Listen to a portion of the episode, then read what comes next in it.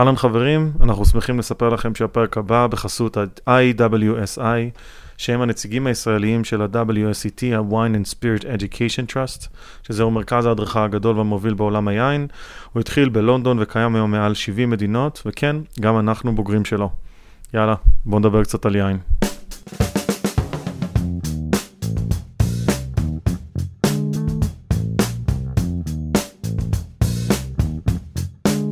אהלן חברים, ברוכים הבאים למוצר צריכה בסיסי, אהלן גיא.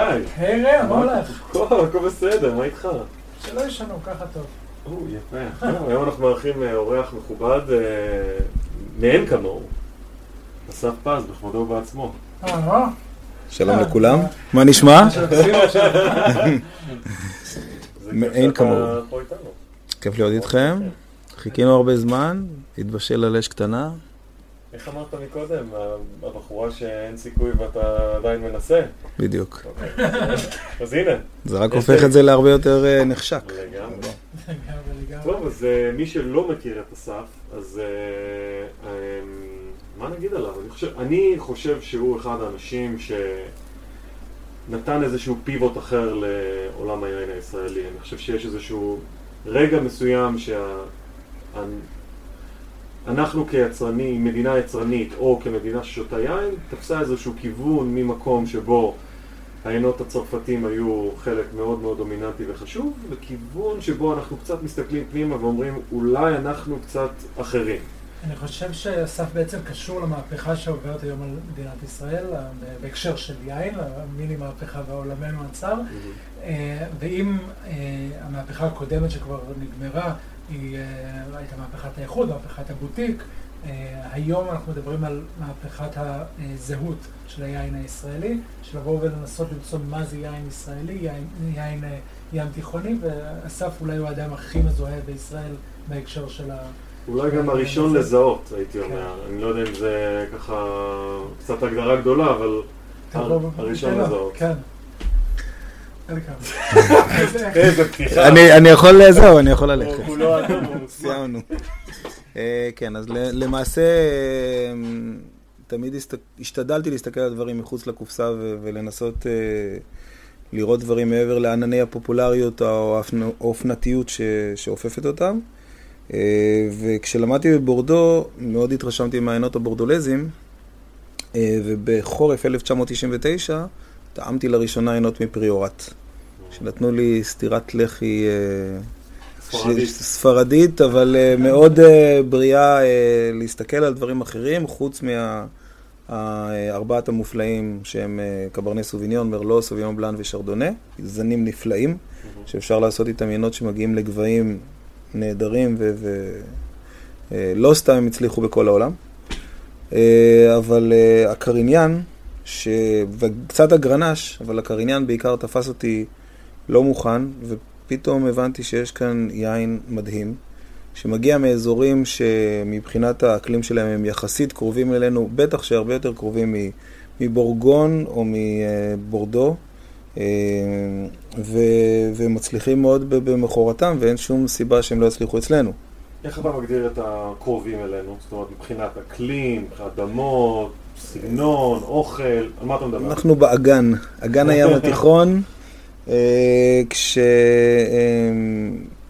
מבחינת סוגי האדמות הדברים מאוד יכולים להיות מאוד שונים, כמו אדמות הצפחה, ליקוריה של, של פריורט, ש, שאני לא יודע אם יש לנו את זה בארץ איפשהו, אולי באיזה מחצבה בדרום, אבל לא באזורי גידול היין. אה, אבל, אבל יש הרבה מאוד אדמות גיר, גם בדרום צרפת וגם בספרד, והאקלים היבש, הים תיכוני, אה, היבש בקיץ והקר בחורף, ועצם העובדה שכל הגשמים מתרכזים בחורף ולא בקיץ, אה, יוצרים אה, מצב של זנים שגדלים לתוך עמידות של חום ושל יובש.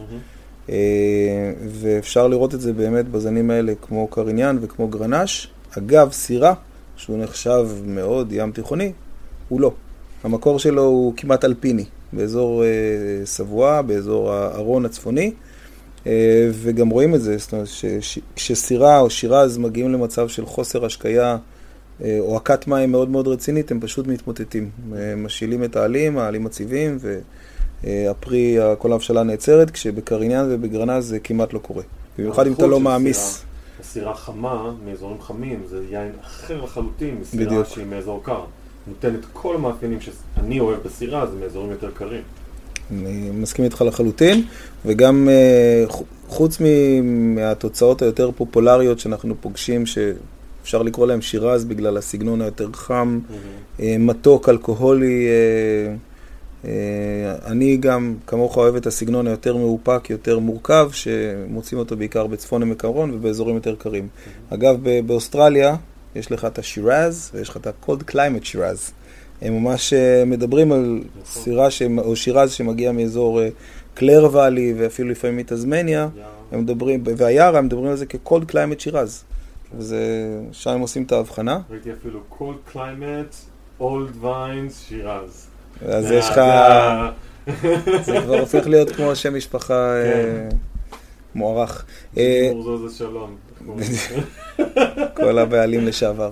בקיצור, אז הקריניאן הקסים אותי מצד אחד, מאוד מאוד הרשים אותי, ומצד שני, אני לא הבנתי למה בארץ כמו ישראל, שרוב הכרמים אז, או רוב היבול היה מגיע מכרמים של קריניאן, אי אפשר למצוא קריניאן איכותי אחד. איך אתה מסביר את זה? שילוב, שילוב של אה, גישה, אה, זה בעצם מעגל שהזין את עצמו. הגישה התחילה עם אה, בואו נעשה כמה שיותר יבול, כי אף אחד כנראה לא מבין כאן איכות, אני מדבר לפני 30-40 שנה,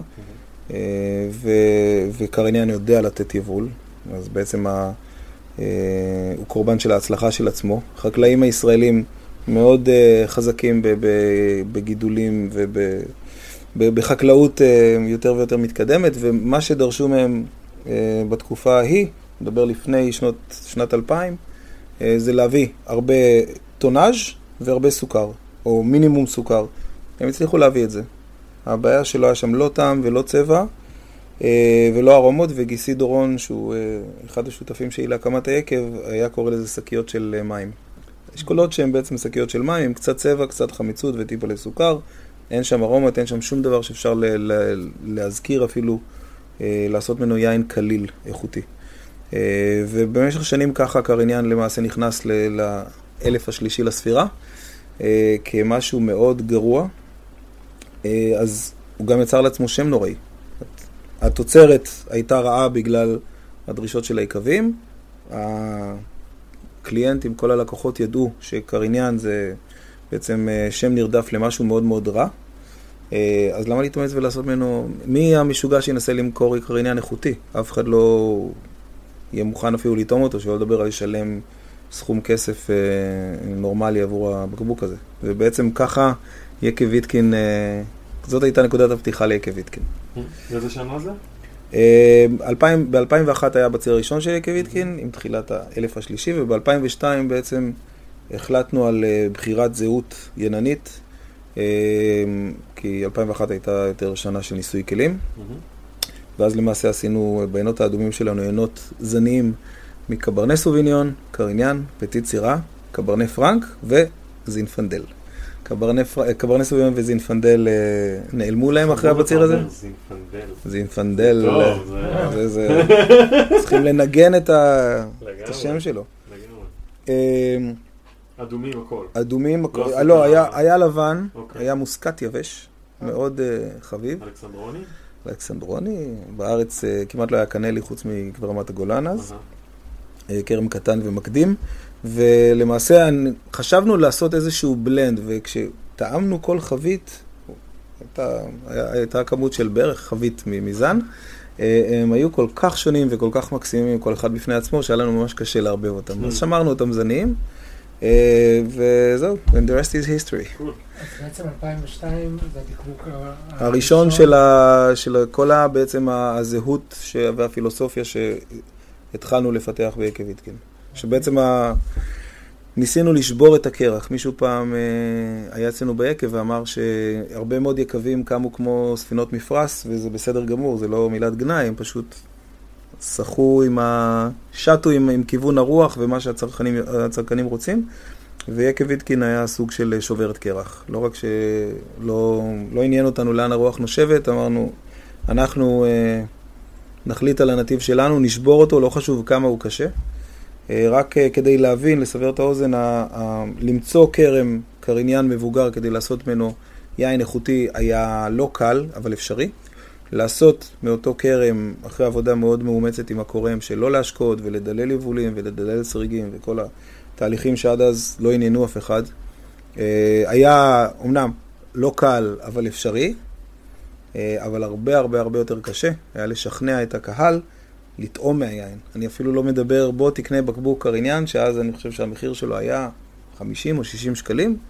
אה, עוד לא היה פערי תיווך, מכרנו ישירות מהיקב.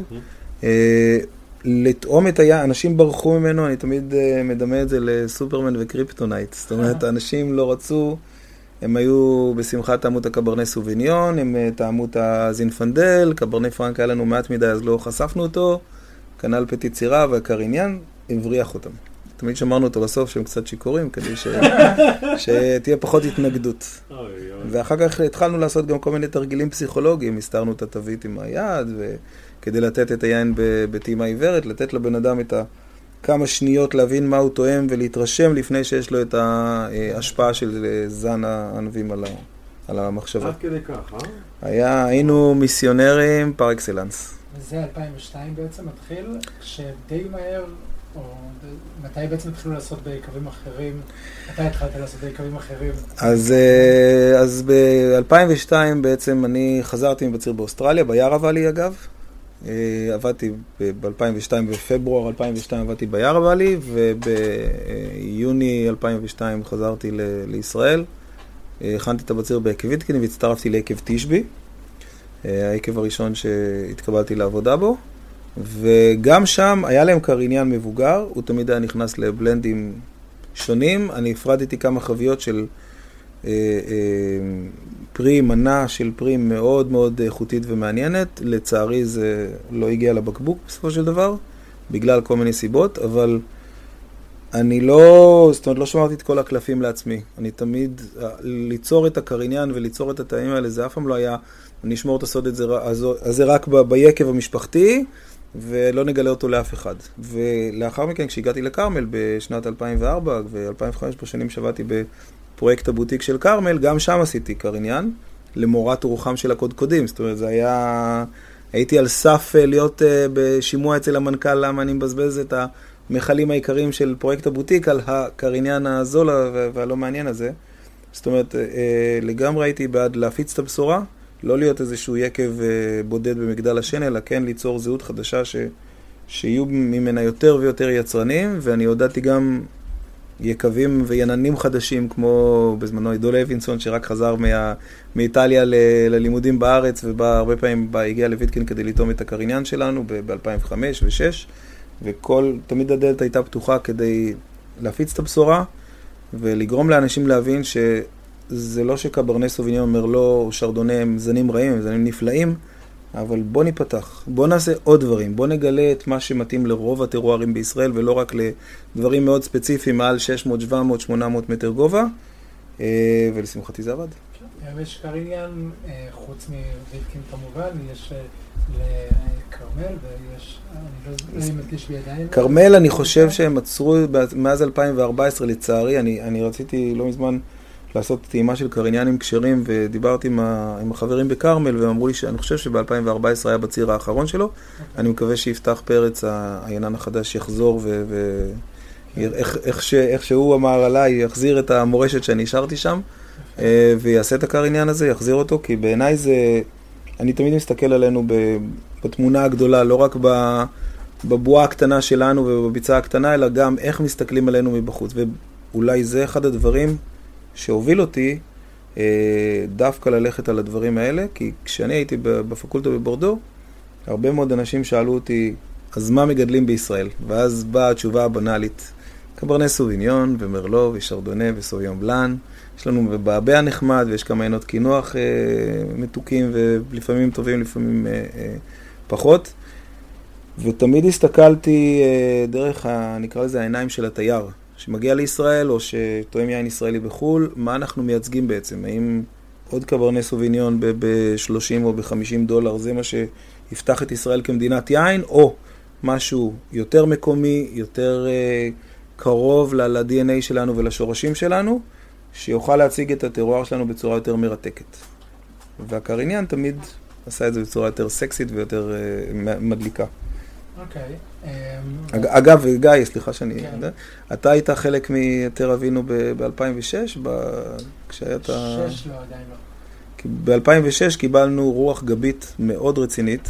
אגב, רוח גבית, אני תמיד uh, טורח להזכיר את uh, יקב מרגלית, שעשה קריניאן חד פעמי ב-1999, שכשחזרתי לארץ באחת החופשות ודיברתי עם אסף מרגלית, ובדיוק אז אני חושב שעדיין היה בחבית, הוא סיפר לי את זה כשהתחלתי לספר לו על קריניאן, ואמרתי, אוקיי, אז אני לא כל כך משוגע. Mm. אז כן, יש איזשהו כיוון, וזה די חיזק אותי, ואז יש ליקב מרגלית פינה חמה בלב בעניין הזה. והרוח הגבית השנייה שקיבלנו הייתה בתחרות הטרווין הראשונה, שתרמנו כמה בקבוקי יין לארוחה באחת המסעדות שהזמינו את השופטים הבינלאומיים, והתגובות שקיבלנו מהם ביום של המחרת, שהם הגיעו לדוכן של, של היקב שהיה בתערוכת היין איזרה אה, וינקספו, ופשוט אמרו לנו, תקשיבו, כל כך אהבנו את העין הזה, כי זה מה שציפינו למצוא באזור הזה. Mm-hmm. הבנו שאנחנו בדרך הנכונה, ואפשר להמשיך בכל הכוח קדימה. היין הזה היום נמצא בחו"ל, במסעדות, מייצג את ישראל? לגמרי, אני חזרתי עכשיו מניו יורק, ובחור שהוא מנהל אומנם מסעדה עם DNA ישראלי שנקראת ברבוניה, הבחור שמנהל אותה טעם את, את העיינות שלנו, והוא אמר לי, אני עוד זוכר את הקריניאן שלך, שבעיניי זה היה היופי בזהות הישראלית שם, שזה יין שהוא נותן הרבה מאוד ניואנסים של עולם ישן. עם כלים של עולם חדש. כך הוא הגדיר את זה. Mm-hmm. אמרתי, אוקיי, אם אתה mm-hmm. מגדיר את זה כל כך יפה, אני פשוט אשתוק ואקשיב. כן, זהו, אם אנחנו מדברים בעצם על המקום של יין ישראלי על מדף היין העולמי, אז אני חושב ש... עיקר העניין זה לגמרי מקום שיכול להציג את ישראל בצורה כזו או אחרת. אפשר להתווכח אגב על ה... וזה אולי אתה תגיד דברים מעניינים כאן על האיכות שאליה קריניאן יודע להגיע, כי יצא לי לא מעט דיונים להשתתף אה, לגבי קריניאן, ויש שאלות טובים מאוד. אני לא יודע אם אפשר להגיע שם למשהו שהוא אה, יוצא דופן, אה, outstanding ברמה, ברמה הכי גבוהה, אבל כן איזשהו משהו שיודע לייצג.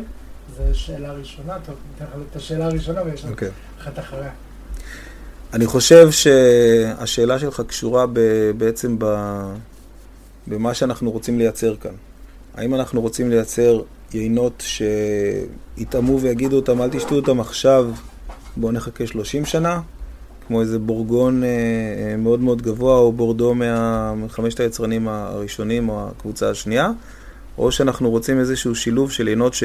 מצד אחד יש להם שלד ו- וגוף ויכולת התיישנות מרשימה, שבעיניי ברגע שחצית את ה-10, 12, 14 שנה, בעצם יש לך, יש לך יכולת התיישנות אה, אה, טובה ומרשימה, אה, אבל מצד שני גם שנוכל ליהנות מהם עכשיו, שלא נצטרך לשים אותם בצד. אה, והדבר השלישי שמאוד מאוד חשוב, שיינות שהם רובם לפחות מתאימים לשתות ברוב ימות השנה בישראל החמה שלנו. גם לא עם אה, מזגן חזק שפועל אה, בפנים. אה, אז, אז שוב, השאלה היא למה אנחנו מכוונים. האם אני מכוון להתחרות בשעתו אובריון מבחינת כמויות העץ וההבשלה והעוצמות והריכוז, או שאני מחפש איזושהי ייחודיות בטעם, כמו שלאחרונה אגב קורה בקיאנטי ובאזורים שהם, היה להם תמיד איזשהו שם לא מי יודע מה, עם הבקבוק של הקש, ולאחרונה אפשר למצוא יופי של ליהנות מטוסקנה ומקיאנטי, שהם מצד אחד שומרים על הזהות שלהם ועל ה, על ה, על החמיצות הטובה ועל האחדות והמינרליות, מצד שני הם מאוד טעימים לשתייה גם כשהם צעירים. אוקיי, okay. אני מדבר על, על הקרבנר הצ'יליאני או הזינפנדל האמריקאי, יין שהוא לא בהכרח... או המלבק ה... מלבק ארגנטינאי דווקא לא, מלבק שזה ממש כל הזהות. כן. ודווקא גם הזינפנדל, גם הקרמנר הם לא הזן העיקרי באותן מדינות, מבחינת כמויות, אה, אבל הוא השם שבסופו של דבר הולך... פינוטאז' ודרום אפריקה, בוא נגיד ככה. אוקיי. הוא נותן את השם ואת הסקסיות לדרום אפריקה, והאחוז ייצור שלו הוא מאוד אה, זניח מהתעשייה. ואת המקום על המדף, את מה שמייצג בסוף. השאלה אם בסוף, כשהולכים למסעדה... אתה מדבר על מה שבעצם יפתח את ה... כן, יפתח את השוק. לשים את היין הישראלי בתפריט יין עולמי. אני חושב שזה, אני לא אגיד שזה הזן היחיד, אבל בעיניי אם הולכים איזה, עם איזושהי סוללה של זנים מעניינים, אה, או שיש רק אצלנו, כמו ארגמן שעדיין צריך להוכיח את עצמו בעינות איכות, אה, חוץ מכמה מקרים בודדים, אה, או מצד שני זנים שיש במקומות אחרים אבל עדיין לא התפרסמו, כמו קריניאן, כמו מרסלן, כמו אה, אה, אה, דברים כאלה. אני חושב שבהחלט זה יכול לתת אה, נקודת חדירה הרבה יותר אה, אה, קלה מאשר עוד קברני סוביניון או עוד מרלו או עוד בלנד בורדו. אתה מאמין שיכול להיות מצב שהרבה מאוד יקבים מסביב יעשו מין עצירה כזאת ויגידו אנחנו מגדלים את הזן הזה כדי להפוך להיות לדוגמה כמו ניו זילנד סוביניון בלאם או לדוגמה כמו כל שאר הזנים שאמרת כרגע? אני מאוד uh, סקפטי זה. לא, זה כבר, אתה יודע... חייב להיות משהו רב-מערכתי כדי לגרום לאיזה תנועה כזאת. חד משמעי. זאת אומרת, כל המדינות האלה שיש להן את אותו זן מוביל, הייתה התגייסות של המדינה. כן. Uh, אם זה בעזרה ליקבים ישירה או בעזרה עקיפה. אה, אני שמעתי גם עניינים שאומרים, אנחנו לא רוצים שהמדינה תעזור לנו, לא צריכים את זה, אנחנו כן צריכים שהמדינה תעזור לנו, כי אנחנו עומדים בתחרות מאוד לא הוגנת מול אה, הרבה מאוד אה, מדינות אחרות שמפמפמות סכומים אדירים של כסף לתעשיות היין שלהם, כי הן מבינות שתעשיית יין זה לא תעשיית טקסטיל וזה לא איזושהי תעשייה כבדה, זו תעשייה שהערך המוסף שלה הוא אדיר. גם בתיירות לאותה מדינה וגם ביחצנות מטורפת לאותה מדינה. אה, ואני חושב שהגיע הזמן שישכילו להבין את זה גם אצלנו. ושוב, אני לא צריך שיבואו וישפכו עלינו סכומי כסף, אה, למרות שלא נתנגד לזה, אה, אבל יש הרבה מאוד דברים עקיפים שאפשר לעזור לנו. כשאני פוגש יקב איטלקי בפרו-ויין, שהיא כרגע אחת מתחרויות, את ארוחות היין הכי חשובות בעולם, אם לא החשובה שבהן, והאלאונורה היפהפייה מהיקב הטוסקני מספרת לי שהיקב שלה להוציא לירה איטלקית או יורו אחד בשביל יורו. להגיע, כי המדינה מימנה את הכל, כולל כוח האדם והיין והמשלוחים והמלונות, mm-hmm. ואני מאמין לה, okay. כן. אה, כי אני שמעתי את זה לא רק ממנה, אז... אה, ומצד שני, אני צריך להוציא את כל הכסף וכל המאמץ ולשלם מהשקל הראשון עד לשקל האחרון. זה כבר מציב, אותנו במצב, אה, בתחרות לא הוגנת. ואנחנו צריכים את זה יותר מהכל, כי את היקב מטוסקנה גם ככה מכירים בחו"ל, ויהיה לו הרבה יותר קל לחדור גם לשווקים אה, קלאסיים וקיימים, וגם לשווקים חדשים במזרח הרחוק. ישראל עדיין במקום שצריכים להוכיח את עצמנו, להראות מה שיש לנו, ואנחנו לא כל כך רחוקים מאותה, מאותה תקופה, כשאני למדתי בבורדו ב-1999, שכשהגעתי והבינו שאני מישראל, כי הייתי כנראה הסטודנט, בדיעבד הבנתי שאני הסטודנט הישראלי הראשון ש, שלמד שם, ורוב השאלות שלהם היו אם אה, עושים יין אה, מתפוזים, או מה בדיוק, אה, הם לא, לא, לא קישרו בכלל את ישראל, כן. זאת הייתה השאלה השנייה. עכשיו, לא ב... כן, כן, וזה עדיין, וזה עדיין יש את הדימוי הזה, ועדיין צריכים להסביר שבישראל עושים יין. אה, וזה לא תאילנד שאף פעם לא עשו יין ועכשיו התחילו כי יש תיירים ורוצים לקדם את זה, זה יש לנו תעשיית יין אה, מדהימה, מרתקת, שונה מכל דבר. אה, אלטנוילנד של הרצל, אפשר לעשות ממנו הרבה השלכות גם לתעשיית היין שלנו, או לענף היין, כי אנחנו, קשה לי לקרוא לנו תעשייה. ואנחנו עדיין צריכים, אנחנו עדיין במקום שצריכים להסביר ולספר.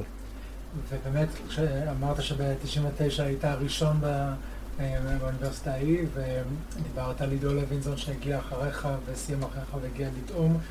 יש איזושהי, אה, אני רואה איזושהי מגמה של יותר ויותר חבר'ה צעירים שהולכים, לומדים יעילות בחו"ל, אה, עושים התמחויות ומלא יקבים בכל העולם, אה, הולכים ואחרי זה חוזרים לישראל, אולי לא כרגע, וחוזרים לישראל ועושים יין, מביאים בעצם את הידע הזה לפה. אה, השאלה היא, כשעשית את זה ב-99, אה, היית בפחות, קרקע פחות אה, פורה בעניינים סביבך, אני מניח? אתה רואה את השינוי במגמה הזו? כן, אתה מדבר על עניינים ישראלים שחוזרים דיפלומות מחו"ל, ו... אז זה היה מוצר מאוד נדיר. אני יכול להגיד שכשאני חזרתי מחו"ל, כבר היו לי, עוד לפני שחזרתי פיזית לארץ, היו לי שלוש הצעות עבודה באימייל המאוד אה, mm. מאוד קדום אה, בהוטמייל, אה, והיום אם ינן שמגיע מחו"ל מקבל הצעת עבודה להיות עוזר ינן, אז הוא consider himself lucky, בגלל שנוצרה איזושהי אינפלציה, כי אנחנו ארץ יחסית קטנה, אין עשרות אלפי ואין אלפי קווים, וגם המאות הם מאות, מעט, מעט, מעט מאוד מאות. ועניין הכשרות כמובן מוסיף, והיכולת של כמה יקבים באמת יכולים לשלם משכורת של ינן, שהוציא כסף והשקיע את זמנו ולמד בחו"ל וחזר עם דיפלומה ואולי גם קצת ניסיון מכמה מדינות יין בעולם, היא מאוד מאוד נמוכה. אז uh, בהחלט נוצרה איזושהי אינפלציה של יננים uh, מדופלמים, אבל uh, אני חושב שהרבה מאוד מהם עושים uh, דבר חכם, ולפחות מה שאני ממליץ להרבה חבר'ה צעירים שמדברים איתי, אני אומר להם, חבר'ה, תמשיכו, כל עוד אתם באותה תנועה של לימודים והסתובבות בחו"ל, ואתם במגע עם הרבה מאוד גורמים בחו"ל, אז תישארו בחו"ל, אם אתם רוצים לחזור לארץ, לעבוד בארץ, תהיו בקשר ותחפשו, אבל אל תבואו לארץ בלי שום תוכנית ותתחילו לחפש עבודה, כי יכול מאוד להיות שתשבו בבית הרבה מאוד זמן, ותבזבזו עוד בציר ועוד בציר, וזה, וזה יגרום לכם לאיזשהו ייאוש שלה. תמשיכו להסתובב בעולם ולהתמקצע וללמוד ולהגיע עם איזשהו מטען יותר ויותר איכותי, יכול להיות שגם הנחשקות שלכם תעלה. בעיניי זה נפלא, כי זה גם אם אותם עניינים לא נמצאים 365 ימים בישראל ועובדים כאן, הם כן מפרים בצורה זו או אחרת את, ה, את מה שיש לנו כאן, אה, עם כל האינטרנט וכל הדרכים התקשורתיות למיניהם. אנחנו מרימים את הפודקאסט הזה בטרנס-אטלנטי. בדיוק. כל השנה. ואני, אבל אני מאמין שאת כל הרעיונות שאתה סופג שם, הם גם מחלחלים בצורה מודעת ו, ולא מודעת לתוך uh, הפודקאסט הזה, ולהרבה מאוד מקומות שאתה מתבטא בהם, ואנשים שומעים את זה וקולטים את זה, וכמו uh, שאני הגעתי עם הרעיון של לעשות את הקריניין ולפנות לזנים האלה, ו- וכולם רואים ושומעים, ואני אפילו לא קורא לזה מעתיקים, אלא מפרים, יש איזושהי הפריה הדדית, וזה מקסים בעיניי. Uh, אז בהחלט, זה, להביא את הידע הזה לעולם זה, זה נהדר. היום יש גם uh, אנשים שמתמחים ברמת הכרם וברמת המחקר, ולא מזמן שאלה אותי בחורה שמאוד התעניינה בתחום, אה, מה לדעתי שווה לה, לאיזה תחום שווה לפנות, אני אמרתי, אני חושב שדווקא מה שנשאר בחוץ זה קצת השיווק המתמחה ביין, השיווק והמסחר עם התמחות ביין, כי זה לא, יש הרבה מאוד מנהלי שיווק שהם הגיעו מתחומים שלא קשורים ביין ולוקח להם הרבה זמן ללמוד שזה תחום מאוד ייחודי. זה לא למכור עוד uh, קפה או עוד uh, מכונית, uh, יש כאן משהו מאוד מאוד ייחודי uh, ויש שם הרבה בתי ספר בעולם שמתמחים בזה. ו... כן. כמוך, ש... כמו גיא, ש... שלקח את הנושא של תיירות יין, שלא כל כך התייחסו אליה בצורה מערכתית, אלא לבוא ולהגיד, זה חלק מהעוגנים של הענף הזה. אה, שוב, ככל שניצור יותר התמחות ו... ונביא יותר ידע מחו"ל אה, ו... וניסיון, זה, זה רק יקדם אותנו. אני מסוכן לשמוע את דעתך לגבי זנים נוספים שמרגישים לך נכונים פה בארץ, או שנכונים לאקלים, או שנכונים באופן כללי לפילוסופיה שאתה מדבר עליה, כמו הקריניאן. אמ, אז בעצם הפילוסופיה שלי אה, היא, נקרא לה רב-מערכתית, היא מאוד הוליסטית. אה, אין לי פילוסופיה אחת לכרם, ופילוסופיה אה, שנייה ליקב, ופילוסופיה שלישית לצרכנים. בעיניי זה איזשהו חוט... מקשר חוט השני שעובר אה, אה, מרגע נטיית הכרם, בחירת האתר והזנים ואיך לגדל, אם זה גביע או VSP או, או, או צפיפות נטייה, אם אנחנו הולכים לגדל כרם שאנחנו מייעדים אותו לגידול בעל או עם השקיה וכולי, ועד, אני גם מנסה לדמיין את הכוס. שאיפה, איפה ימזגו את היין הזה, ואיפה ישתו אותו, ועם איזה אוכל, אז אולי אני קצת הולך רחוק מדי, לא, כי אני מאוד אוהב את ההקשר הקולינרי, אבל אבל בעיניי כש, כשאני מדבר על פילוסופיית אה, יננות מקומית, פעם הייתי קורא לזה ים תיכונית, אבל אנחנו מכינים גם פינו נואר וגם ריזלינג, אה, הם הכל חוץ מים תיכוניים. אז אני מדבר על פילוסופיית אה, אה, ייצור יין אה, מקומית. זאת אומרת, בעיניי כמעט כל זן הוא כשר, הוא ראוי כדי לנסות לאפיין ולבטא את הטרואר שלנו. כל עוד אנחנו באמת שומרים על אה, לא משתגעים יותר מדי במאמצים. אנשים פעם דיברו איתי על לשים רשתות צל כדי לגדל סובינון כמו בניו זילנד, או זה, זה מרתק, השאלה כמה זה מחזיק מים בהיקפים גדולים, או שזה רק איזה כרם קטן שאתה יכול לשחק איתו. אה, אותו דבר עם מעיינות קינוח שלנו. אה, אני מעריץ את, ה, את קינוח שעקבי רמת הגולן עושים, עם הסמיון, הסמיון האציל שכבר לא עושים אותו, שהדביקו אותו במעדבה, ב, כן, במעבדה, והיין קרח שגם ערן פיק עושה בצורה כבר אה, שנים. יותר מעשור. ואת ההייטסוויין של רמת הגולן, שעושים אותו כמעט שני עשורים. למה? שני עשורים, לדעתי הראשונה ב-99. אה, וזה, התוצאות אה, מרשימות ויפות. מה שאני עושה בוויטקין זה, נקרא לזה מה שנתן לך הטבע. אם אה, בכרם נוצרת סיטואציה של בוטריטיס, כמו שהיה אגב ב-2018, ואני יכול לעשות מזה יין קינוח ברמה מאוד מאוד גבוהה, אני אלך על זה בכל הכוח וכל המאמץ, והמאמץ הוא מאוד מאוד גבוה, ואני אעשה את זה. בסופו של דבר חבית אחת בודדה אה, נוצרה. הנה, שווה לבוא לטעום. אתה רואה? אה. אני מכניס כאן רמזים סמויים. אה, אבל אני פחות בקטע של בואו נהפוך עכשיו את כל המעבדות של העולם כדי להוציא כמה בקבוקים שדומים למשהו שיוצא ב... תנו לגרמנים ולאוסטרים לעשות את הדברים האלה. זה מאוד עולם ישן, מה שאתה אומר. כאילו אם יש בשנה מסוימת את התנאים הנכונים לייצר את הדבר הספציפי הזה, אני עושה את זה. נכון. אני, אני חושב שגם מוסיף, זה מוסיף לאמינות שלנו באיזשהו מקום. זאת אומרת, אם אני בא לספר סיפור שנוצרו לי תנאים אידיאליים להכין את יין הקינוח הספציפי הזה, ואני עומד מאחוריו במאה אחוז, ופתאום אני רואה שאני מוציא את זה בכל שנה, וברור לכולם שלא כל שנה יהיו תנאים אידיאליים להתפתחות בוטריטיס, אה, אה, או, או, או כל גורם אחר, אז משהו קצת מתפוגג בעיניי מהאמינות ש, שמאחורי הסיפור. סיפור זה דבר יפה וזה חשוב וזה מנוע לשיווק יין, אבל הוא חייב אה, להיות מבוסס אמת בצורה מוחלטת בעיניי. אה, ושוב, אני, אני מסתכל על, ה, על העניין בצורה הוליסטית, גם איזה זנים ראוי לגדל כאן, וגם איך אנחנו אה, עושים את העייננות בגישה שהיא תיתן לנו יין בסגנון שכיף לשתות כאן. שאני באמת מדגיש את המילה כיף והמילה טעים, שזה מילות, מילים עם קצת זילות לעולם, לעולם היין, כי הן פשוטות מדי, אבל בסופו של דבר אני חושב שהן הכי חשובות. כן. אחת המחמאות הכי גדולות שקיבלתי לאחרונה זה לקוח שקנה ארגז מסע ישראלי לבן, הוא מכיר את היין שלנו, הוא שלח לי תמונה, כי הוא כל כך התלהב מ-2018, שהוא פשוט סיים את הבקבוק לבד, עם עצמו, והוא לא האמין שזה קרה לו, אמרתי, זו המחמאה הכי גדולה. אני לא רוצה לעודד אלכוהוליזם, אני לא... אני לא מעודד אלכוהוליזם, אבל זה רק אומר שהעין הם מאוד מאוד טעים, וזה בעיניי הדבר הכי חשוב בסופו של דבר.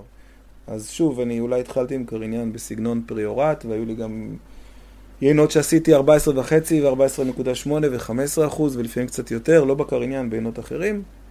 אבל, אבל לאט לאט, כן, אבל לאט לאט האחוז האלכוהול ירד, לא בקטע של, לא מהמקום שאני רוצה לעשות יינות עם אלכוהול נמוך כהגדרה, אלא ההבשלה הלכה ונהייתה יותר ויותר מדויקת, וההחלטה על מועד הבציר הפכה להיות יותר ויותר אה, אה, מפוקסת ונחרצת, בלי אה, קטעים של חוסר ניסיון של ינן צעיר שיגיד, זה מרגיש לי מוכן, אבל בוא נחכה עוד שבוע, ואז בשבוע הזה אתה מרוויח את האחוז וחצי, כן, את האחוז וחצי אלכוהול נוסף.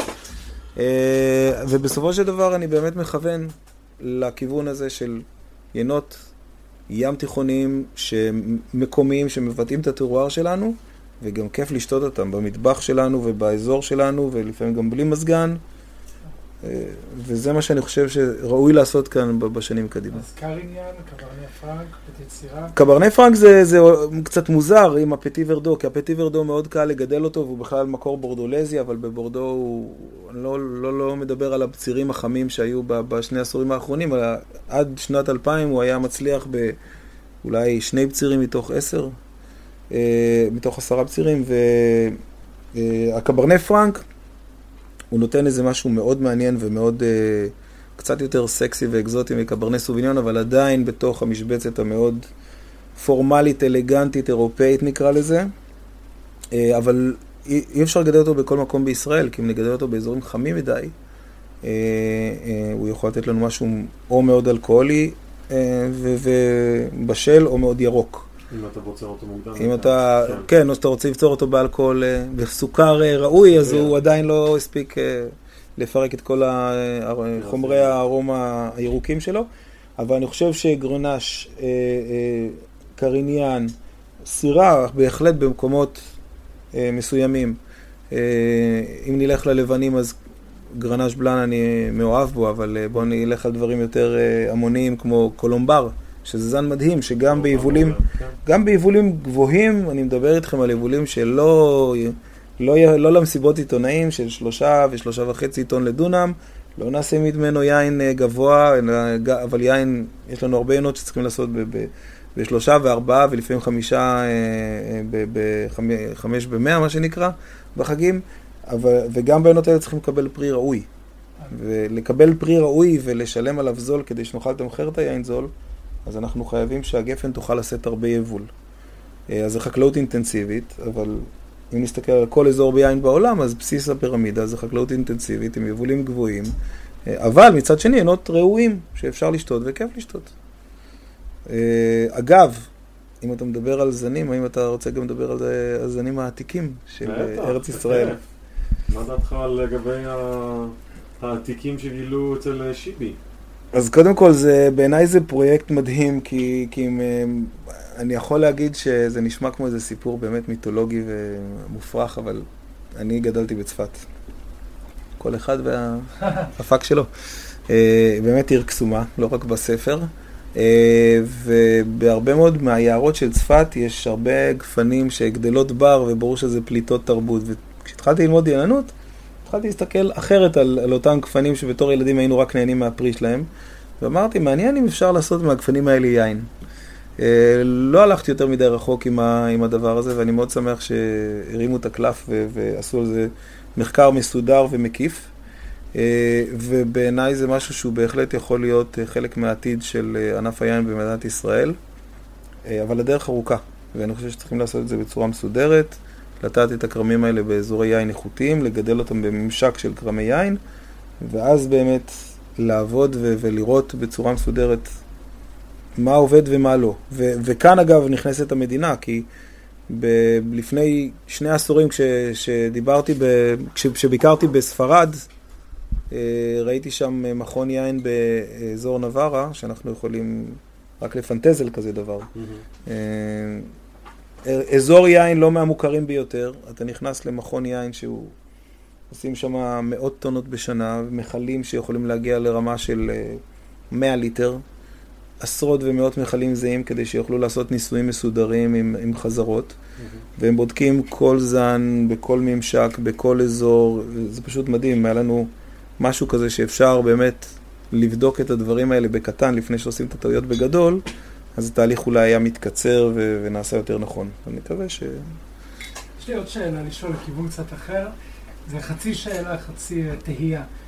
אה, אני רואה איזושהי מגמה שיש בארץ בשנים האחרונות, אה, של יותר ויותר אותם יעננים מהדור שדיברנו עליו קודם, ש, שחזרו אה, לישראל אחרי... אגב, הדור הזה התחיל לפניי, אם תיקח את, את גבי סדן וגיל שצברג ו... בדיוק, אלה השמות. שרציתי לדבר עליהם, מגבי סדן אה, ודרכך, ועידו לוינסון, וקובי ארביב, וכל מיני עניינים שעובדים בקווים גדולים בצורה כזו או אחרת, מפסיקים, או אולי במקביל, עושים איזשהו יקב בוטיק שלהם, אה, ובאיזשהו שלב אנחנו רואים יותר ויותר יקבים קטנים כאלה, חלקם כבר לא קטנים, יקב ויטקין כבר יקב... שהוא כבר לא ממש קטן, כבר יותר מ-100 אלף בקבוקים בשנה. סביבו, נושק ל-100 אלף, כן. 100 אלף בקבוקים בשנה. זה לא נחשב בוטיק אגב? זה הקצה העליון של כן. בוטיק, הוא לא קטן. לא... אגב, אני רוצה לעצור אותך רגע בשאלה, אם אפשר, ורק להגיד שבעיניי בוטיק, אה, הקו צריך להיות יותר גמיש. זאת אומרת, זה לא צריך להיות עד 50 או עד 100 או עד 150 או 200 אלף. אני חושב שבוטיק זה, זה גם גישה. וזה גם יכולת לייצר יינות במנות קטנות ועם התייחסות מאוד מאוד אישית. אה, וזה גם, אין מה לעשות, זה גם רמת מחיר.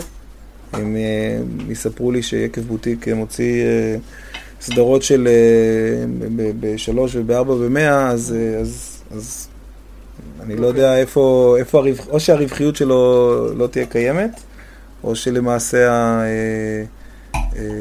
משהו הולך לאיבוד בתהליך. אז זה גם נושא של מחיר, וזה גם גישה, וזה גם אה, אה, משהו מאוד אישי והנדס און בתהליך. אז okay. אוקיי. קשה לי להגדיר את זה בעד 100 אלף, עד 70 אלף.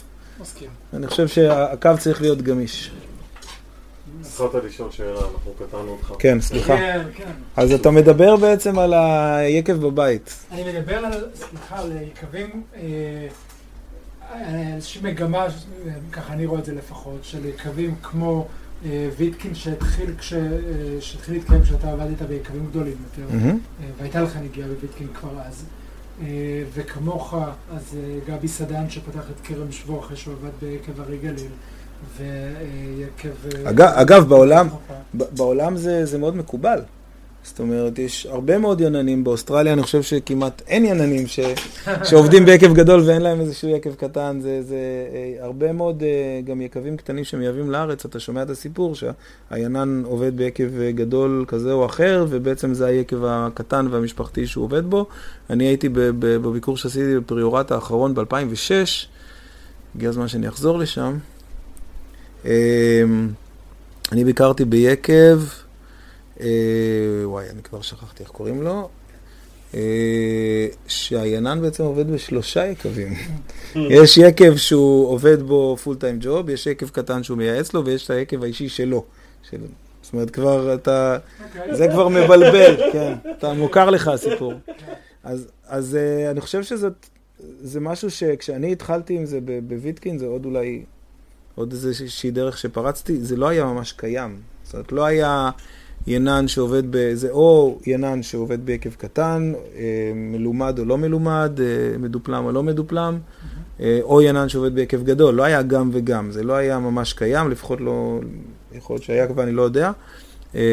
וכשאני התחלתי לעבוד ביקבים גדולים, אני תמיד דאגתי לשים את זה על השולחן ולהגיד ל- למנכ"ל ש, שעושה עליי את ה head hunting או ש, שרוצה לראיין אותי, להגיד לו, אתה מודע לזה שיש לי יקב משפחתי ואני אמנם לא אעבוד על הזמן של היקב הגדול, אבל שזה יהיה ברור ש...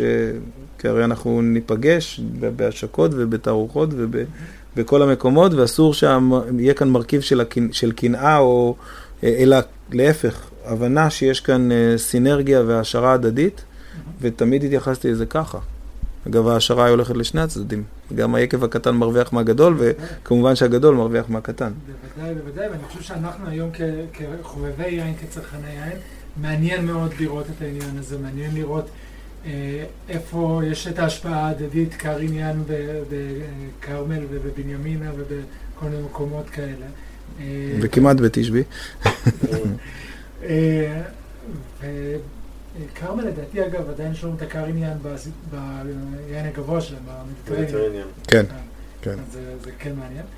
אה, ואני חושב שזו מגמה מעניינת למה שקורה פה בארץ, ויש היום אה, יותר ויותר יקבים קטנים מעניינים כאלה שעושים דברים מאוד טובים, עניינים שיש להם דיפלומה ויש להם ניסיון, ועושים את הקטן שלהם, את הזווית הפחות, אה, לא בהכרח מסחרית, יקב גדול, יש לך יותר כבלים מסחריים כאלה ואחרים. אני חושב שזה, אה, שזה איזשהו מפלט, אה, בעיקר אם אתה בתוך מערכת גדולה שאתה חייב לציית ל... אה, זה נכון לעשות עם, ביקב שהוא מאוד מסורתי, שקשה ליצור שם דברים חדשים. זה נותן לך את השסתום פריקת לחץ הזה להתפרע ולעשות מה שאתה רוצה. בזמנו, ש... שעוד הייתי ענן צעיר, אני כבר מתחיל להזדקן, והיה לי קשה עם העובדה שאני לא יכול לגעת ביין, תמיד היה לי את ויטקין. הייתי חוזר הביתה, דוחף את הידיים לתוך הענבים, מוציא לבד דוגמאות מהמכלים, זה, זה דברים שזר לא יבין זאת. חבר'ה, מה מזגת ניתן, לנו? אה, זה, כן, בוא נסביר קצת. כן, כן, אבל הגרון התחיל להיות ניחר, וזה לא מתאים כאן. אז אמרנו שניתן איזשהו יין, ודיברנו עליו כל כך הרבה, על הקר עניין. אז אה, אסף הביא איתו אה, בקבוק. אנחנו מדברים על בציר 2016. אה, האגדי. לא, באמת, בציר נפלא. ניתן לך אולי במילה ככה לספר על היין. אז יין עם המשכיות מאוד יפה. אה, וביין הזה כבר אין את הכרם הראשון שהיה ב-2002, הוא נעקר, אבל הוא המשיך להיכנס לקרן שלנו עד 2011 או 2012, 11, אה, ואז הוא נעקר כי הוא פשוט אה, גבה, יותר מדי ייבשו אותו כנראה, לא עמד בזה. אגב, אני, אני בגישה שלי של כרם ללא השקיה, או דילול, ו, ו, וכל כל ה, כל הנתונים וכל האמצעים להגיע ל, ליין המושלם, תמיד צריכים לשמור על, אתה קראת לזה פרגמטיות קודם? תמיד, תמיד צריך לשמור על ראש פתוח ולא להיתפס לאיזושהי אה, דוגמה, איזושהי נוסחה שאני לא יורד ממנה בצורה דתית. אה, זאת הדוגמה החיה, זאת אומרת כרם של קריניאן שהבעלים מתעקש לא להשקות אותו אפילו שהכרם הראה סימנים מאוד מאוד קשים של מצוקה, אחרי כמה שעות, שנות בצורת. ובסופו של דבר הכרם קרס ונעקר. זאת אומרת, אה, יש לנו, בכל הכרמים שאנחנו לא משקים, יש מערכות השקיה. המערכות השקיה האלה משמשות אותנו גם אם יש איזשהו מחסור בכרם ואנחנו יכולים לתקן את זה דרך דישון, אה, אה, אה, את המחסור שיש בקרקע. ואם עושים את זה, אז עושים את זה מן הסתם אחרי הבציר, כשזה כבר לא משפיע על איכות הענבים האלה, אבל כן ישפיע בטווח הארוך על התפתחות הכרם. או במידה ויש לנו רצף של שנות בצורת וחורף שהסתיים מאוד מאוד מוקדם, והקיץ מתחיל כבר בחמסינים של מרץ, אפריל ומאי, האדמה מתייבשת מהר, אז אפשר לפתוח את, הברז, את השיבר, לתת איזושהי השקיית חיזוק קטנה, כדי כן, כן לתת לכרם איזשהו גרייס, כי אנחנו לא רוצים כרמים, אנחנו לא צריכים כרמים ב, ב, על סף מוות, אנחנו רוצים איזשהו סטרס עדין, שהכרם, uh, הגפן uh, תדע שהיא צריכה לחסוך במשאבים ולהשקיע אותם בענבים, אבל לא לגרום לה לקרוס. בדיוק, אנחנו לא הולכים להרוג כאן כרמים.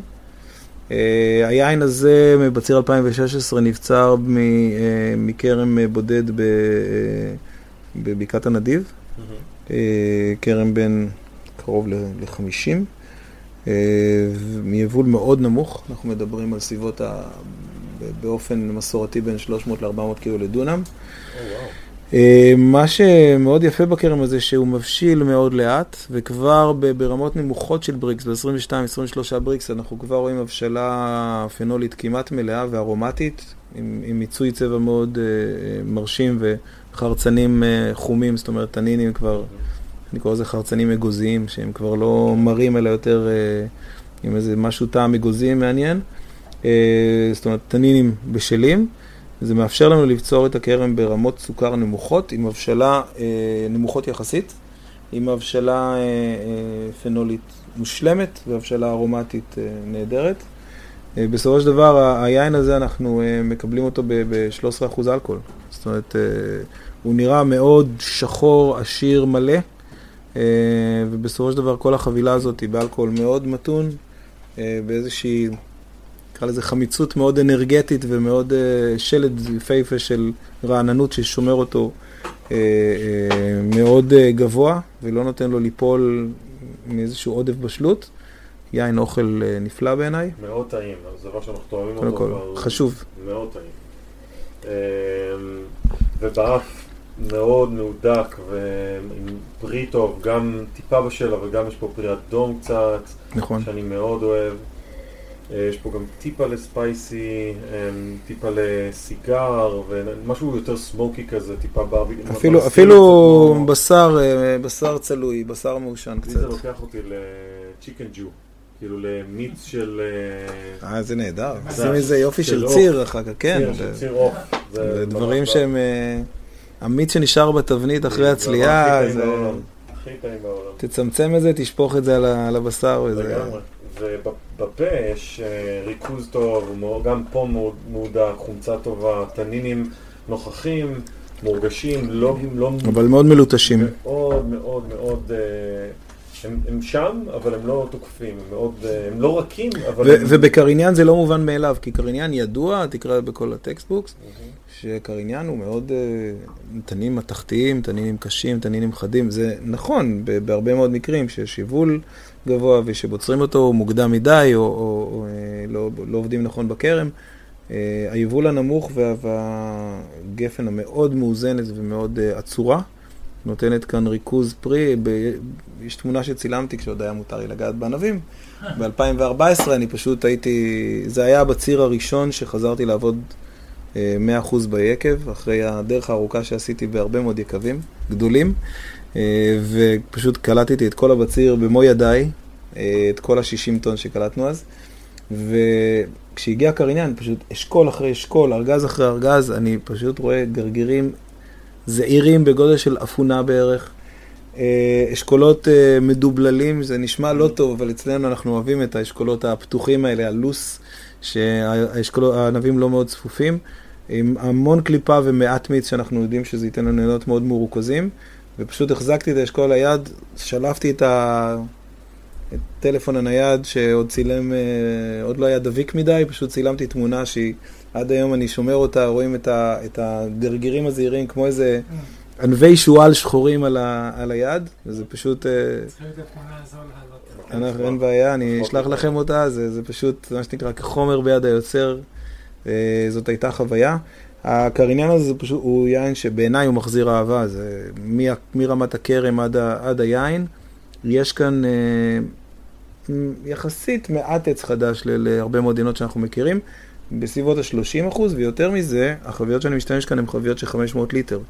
זאת אומרת, גם uh, אם את, יש לך אימפקט של עץ מהחביות החדשות, עדיין הוא שומר הרבה מאוד פירותיות בפנים.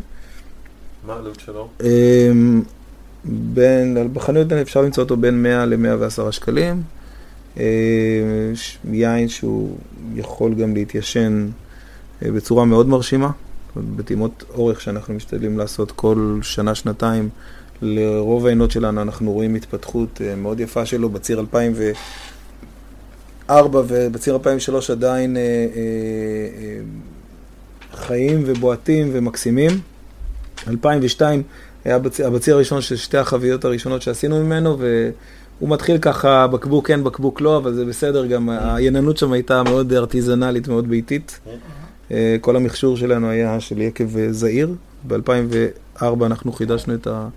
את הציוד, אה, אה, והבאנו ציוד עם טכנולוגיה גבוהה. אז מאוד מרשים לראות שיין כזה כמעט, דפנטלי uh, עשור וחצי הוא מצליח להתיישן, וכנראה שהוא יצליח, היין הזה הספציפי, אני מצליח, ש... מאמין שגם יצלח את ה... שני העשורים בהתיישנות שלו. ומאוד חשוב לי שגם יהיה לו, את ה, כמו שאמרתי, את השלד הזה של הרעננות, ש, שכן מחזיק אותו למעלה ולא נותן לו להיות יותר מדי כבד ויותר מדי מתוק. זה גם uh, הכלל שלי שיין חייב ללכת עם אוכל, יין מהסגנון הזה, אה, זה לא פורט, זה לא יין קינוח, וזה שומר עליו מאוד מאוד חי, וחשוב גם, כמו שאמרתי, שהוא יהיה טעים בצעירותו. כן. טוב, האמת היא שאנחנו מתכנסים לסיום. אה, תמיד אנחנו נותנים בהפתעה לאורחים שלנו מקום להמלצה אישית, איזשהו משהו שאתה היית רוצה להציע למאזינים שלנו, אנחנו מפתיעים אותך, אנחנו נותנים לך, ממש יש לך כמה זמן שאתה רוצה עכשיו. המלצה אישית על אה, יקב אחר או על אה, חיים, אה, טיפ לחיים מיוגה? אני אמרתי את זה כמה פעמים, גם בהרצאות שהעברתי וגם בטעימות. אני חושב שיין זה דבר מדהים, זה דבר שמשפר אותך. אם יש משהו שאני אוהב ביין, זה שהוא, נקרא לזה בצורה פשוטה, מלמד אותי ענווה. כל פעם אני חושב שאני יודע הכל, ואז מגיע איזשהו יין שאומר לי, עוד מהקריניאן הראשון שטעמתי בבורדו, מפריורט, שאומר לי, לא, יש גם דברים כאלה. אה, מוריד אותך אל הקרקע, ואם אתה יודע להקשיב ליין וגם להקשיב לעצמך, אתה מגלה דברים מדהימים וחווה עולם שהעומקים שלו הם אינסופיים בעיניי. אה, אבל מצד שני, אנחנו חייבים גם להבין שבסופו של דבר זה משקה, זה מוצר מזון. זה מאוד מתחבר למה שאתם מנסים כאן לעשות ולהעביר, אה, ואם אנחנו נעלה אותו לדרגה של כוכב על ואל ומשהו בלתי מושג, אה, אה, יהיה, יהיה לנו מאוד מאוד קשה לקדם תרבות יין אמיתית. אני מאוד אוהב את התרבות האיטלקית והצרפתית, שגם האנשים שעובדים והולכים לאכול ארוחת צהריים בחוץ, פותחים, שותים אה, כוס יין, פותחים אה, בקבוק קטן של יין, יודעים שזה לא יפיל אותם, זה לא ירס להם את היום, זה רק ישפר להם את המצב רוח ואת הארוחה ואת האיכות חיים שלהם, אה, וזה פשוט משפר את הכל, כי יין הוא לעולם יותר טוב עם אוכל, אוכל הוא לעולם יותר טוב עם יין, ושניהם לעולם יותר, טוב, יותר טובים עם חברה טובה, עם אנשים שאנחנו אוהבים, ואני חושב שמה שקרה לבירה, שהאיכות עלתה בצורה מדהימה, אבל היא עדיין נשארה מאוד עממית ומאוד נגישה ומאוד אה, בלתי מחייבת, אני חושב שאנחנו צריכים קצת להעביר את זה לעולם היין. להעביר, כן לדבר על העיינות האלה שעולים 100 שקל וצפונה, וכן לתת להם את הבמה, ולמה הם עולים כל כך יקר, ולמה זה כן מוצדק לשלם עבורם, אבל אה, כן להתחבר לעולם העיינות היומיומיים, להכניס אותם לחיים שלנו, אה, ולנסות אה, ליהנות מהדברים האלה בצורה... אני תמיד, תמיד מדמיין מקרה שראיתי פעם אחת ואני תמיד משחזר את זה של זוג צעיר שמגיע לדייט ראשון באיזה מסעדה מפונפנת והבחור נורא רוצה להרשים את הבחורה והוא לוקח אותה לאיזה מקום שלא בדיוק בתקציב שלו אה, ומגיע מלצר היין המלומד והמחויד ופשוט זורק להם על השולחן, הוא מניח בעדינות תפריט יין עב כרס אה, בכריכת אור. הבחור מתחיל לעלעל ומסתכל ורואה את כל השמות ואת כל המחירים, סוגר את התפריט ואומר לו, תביא לי בירה. תביא לה קוקטייל ותביא לי בירה ובוא נסגור עניין. אסור שהיין יהיה בכזה מקום. זאת אומרת, יש מקום למסעדות עם תרבות היין ועם השמות הגדולים, ובוא אה, נעשה את הדברים, אבל כן חייבים אה, לתת את המקום להנגיש את היין ולהפוך אותו, כמו שאתם עושים את זה כאן, לאיזשהו מוצר צריכה. עכשיו, עוד נקודה אחת קטנה שאני כן רוצה להעביר איזשהו מסר. אה, לחברינו הסומליירים והאנשים העוסקים בלהביא את היין הטוב לאנשים במסעדות. עולם המסעדנות הישראלית חווה עדנה, אמנם קושי להתקיים כמו כל העסקים בארץ, ואני יכול לדבר שעות על מה, מה קורה ביקבים, אבל זה, זה לא רק למסעדות, זה לכל העסקים, שקשה מאוד להתקיים כאן ולעשות עסק מרוויח לאורך זמן ולהיות הוגנים וללכת לפי החוק, אבל uh, uh, יש כאן עדנה למסעדות מבחינת האבולוציה והרמה והגובה של האיכות של היין הישראלי, ולא סתם הייתי עכשיו בניו יורק והייתי בארבע מסעדות שמתמחות באוכל ישראלי. אחת מהן אפילו זה Tel Avivian kitchen קוראים לה, 19 Cleveland, מסעדה אה, מדהימה, מקסימה ומאוד מאוד טעימה. אתה נכנס לשם, זה ממש ה vibe של מחנה יהודה ב downtown מנהטן, וזה עובד, ואנשים אוהבים את זה, ונקשרים למטבח, ומעריכים מאוד מאוד את ישראל דרך המטבח.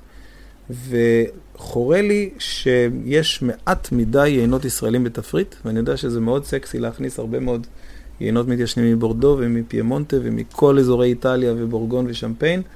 תנו יותר מקום ליינות ישראלים, יש לנו כאן שפע שמעולם לא היה, באיכות שמעולם לא הייתה, ונכון שהמחירים של העין הישראלי יותר גבוהים אבסולוטית ומיינות אה, אה, מתחרים, מקבילים מחו"ל, אנחנו מכירים את הבעיה ואנחנו לא ניגע בזה עכשיו, אבל אם אנחנו רוצים אה, להתהדר במטבח ישראלי איכותי, ועושים את זה מסעדות לאורך ולרוחב של ישראל, לא רק בתל אביב. אני חושב שזה קצת לא מתאים כשברקע יש לך עיינות מכל העולם עם מעט מאוד נציגות ישראלית. זה משהו שהוא מאוד לא אופייני למדינה שמייצרת יותר ויותר יין איכותי. אני חושב ש... אני חושב שכשנגיע לזה ונעשה את זה, זה יהיה בהחלט סמל להתבגרות, גם של האנשים סביב התעשייה, לא רק של יוצרי היין, אלא גם במעגלים היותר נרחבים. ואני קורא לאנשים שייתנו יותר מקום, יותר צ'אנס ויותר מקום ליהנות ישראלים, יש לנו את החומר לעשות את זה. אמן. חברים, לחיים. והאמת היא שזה היה כואב מאוד למאזינים שלנו, אבל uh, um, אני חושב שדווקא הרבה מאוד מהעיינות uh, של יקב ויטקין, דווקא ראיתי די הרבה במסעדות. אני לא אומר את זה עם מקום, לא, לא, לא, אני, אני אומר את זה עם מקום של, יש לנו נציגות מדהימה. אני חושב ש... שאני תמיד מסתכל בעיניים של התייר, שהוא מגיע למסעדה, והוא לא בא לכאן לשתות שבלי. ברור. הוא בא לכאן לנסות ברור. את האוכל המקומי ואת האתרים שלנו ואת היין שלנו ואת הבירה שלנו. אני ישבתי עם אה, תיירת מצרפת מאוד מאוד מתוסכלת בבית קפה לנדבר, אני לא יודע מה המצב שם היום. היא פשוט דרשה, אה, כבר עשינו את ההזמנה, היא דרשה לבטל את ההזמנה, לקום וללכת, כי היא רצתה לשתות בירה ישראלית, ולא הייתה אף בירה ישראלית בקפה לנדבר, שזה מקום מאוד ישראלי. כן. אה, גם בתפריט וגם בגישה וגם ב... ולא הייתה בירה ישראלית, היא, היא קמה, דרשה לעזוב, אני כאילו הייתי נבוך. לא הלך ככה בכזאת קלות. אז, אז אני חושב שיש לנו בהחלט מה להציע, ו... ויש, אגב, אה, אנשי יין במסעדות שמכירים את היין שלנו ולומדים אותו ומגיעים ליקבים ומביאים את הצוותים שלהם ומלמדים אותם ועושים עבודה מדהימה. כן. אה, והיינו שמחים לראות קצת יותר יין ישראלי באמת? שם, אני חושב ש... שהרבה מאוד, רוב, רוב המקומות באמת עושים את זה יפה. טוב, אז אנחנו אה, לקראת סיום באמת נגיד אה, שאנחנו את היין הזה נעלה אה, את התמונה שלו ומקומות שאפשר לרכוש אותו לקבוצת הפייסבוק שלנו, פורום יין מוצר צריכה בסיסי. חוץ מזה המון המון תודה, באמת היה תענוג לדבר איתך. אה, תודה על הזמן שלך ועל ה... באמת חלקת איתנו הרבה פנינים שאני מקווה שנגעו בכמה אנשים. תודה רבה גיא, תודה רבה, אריה.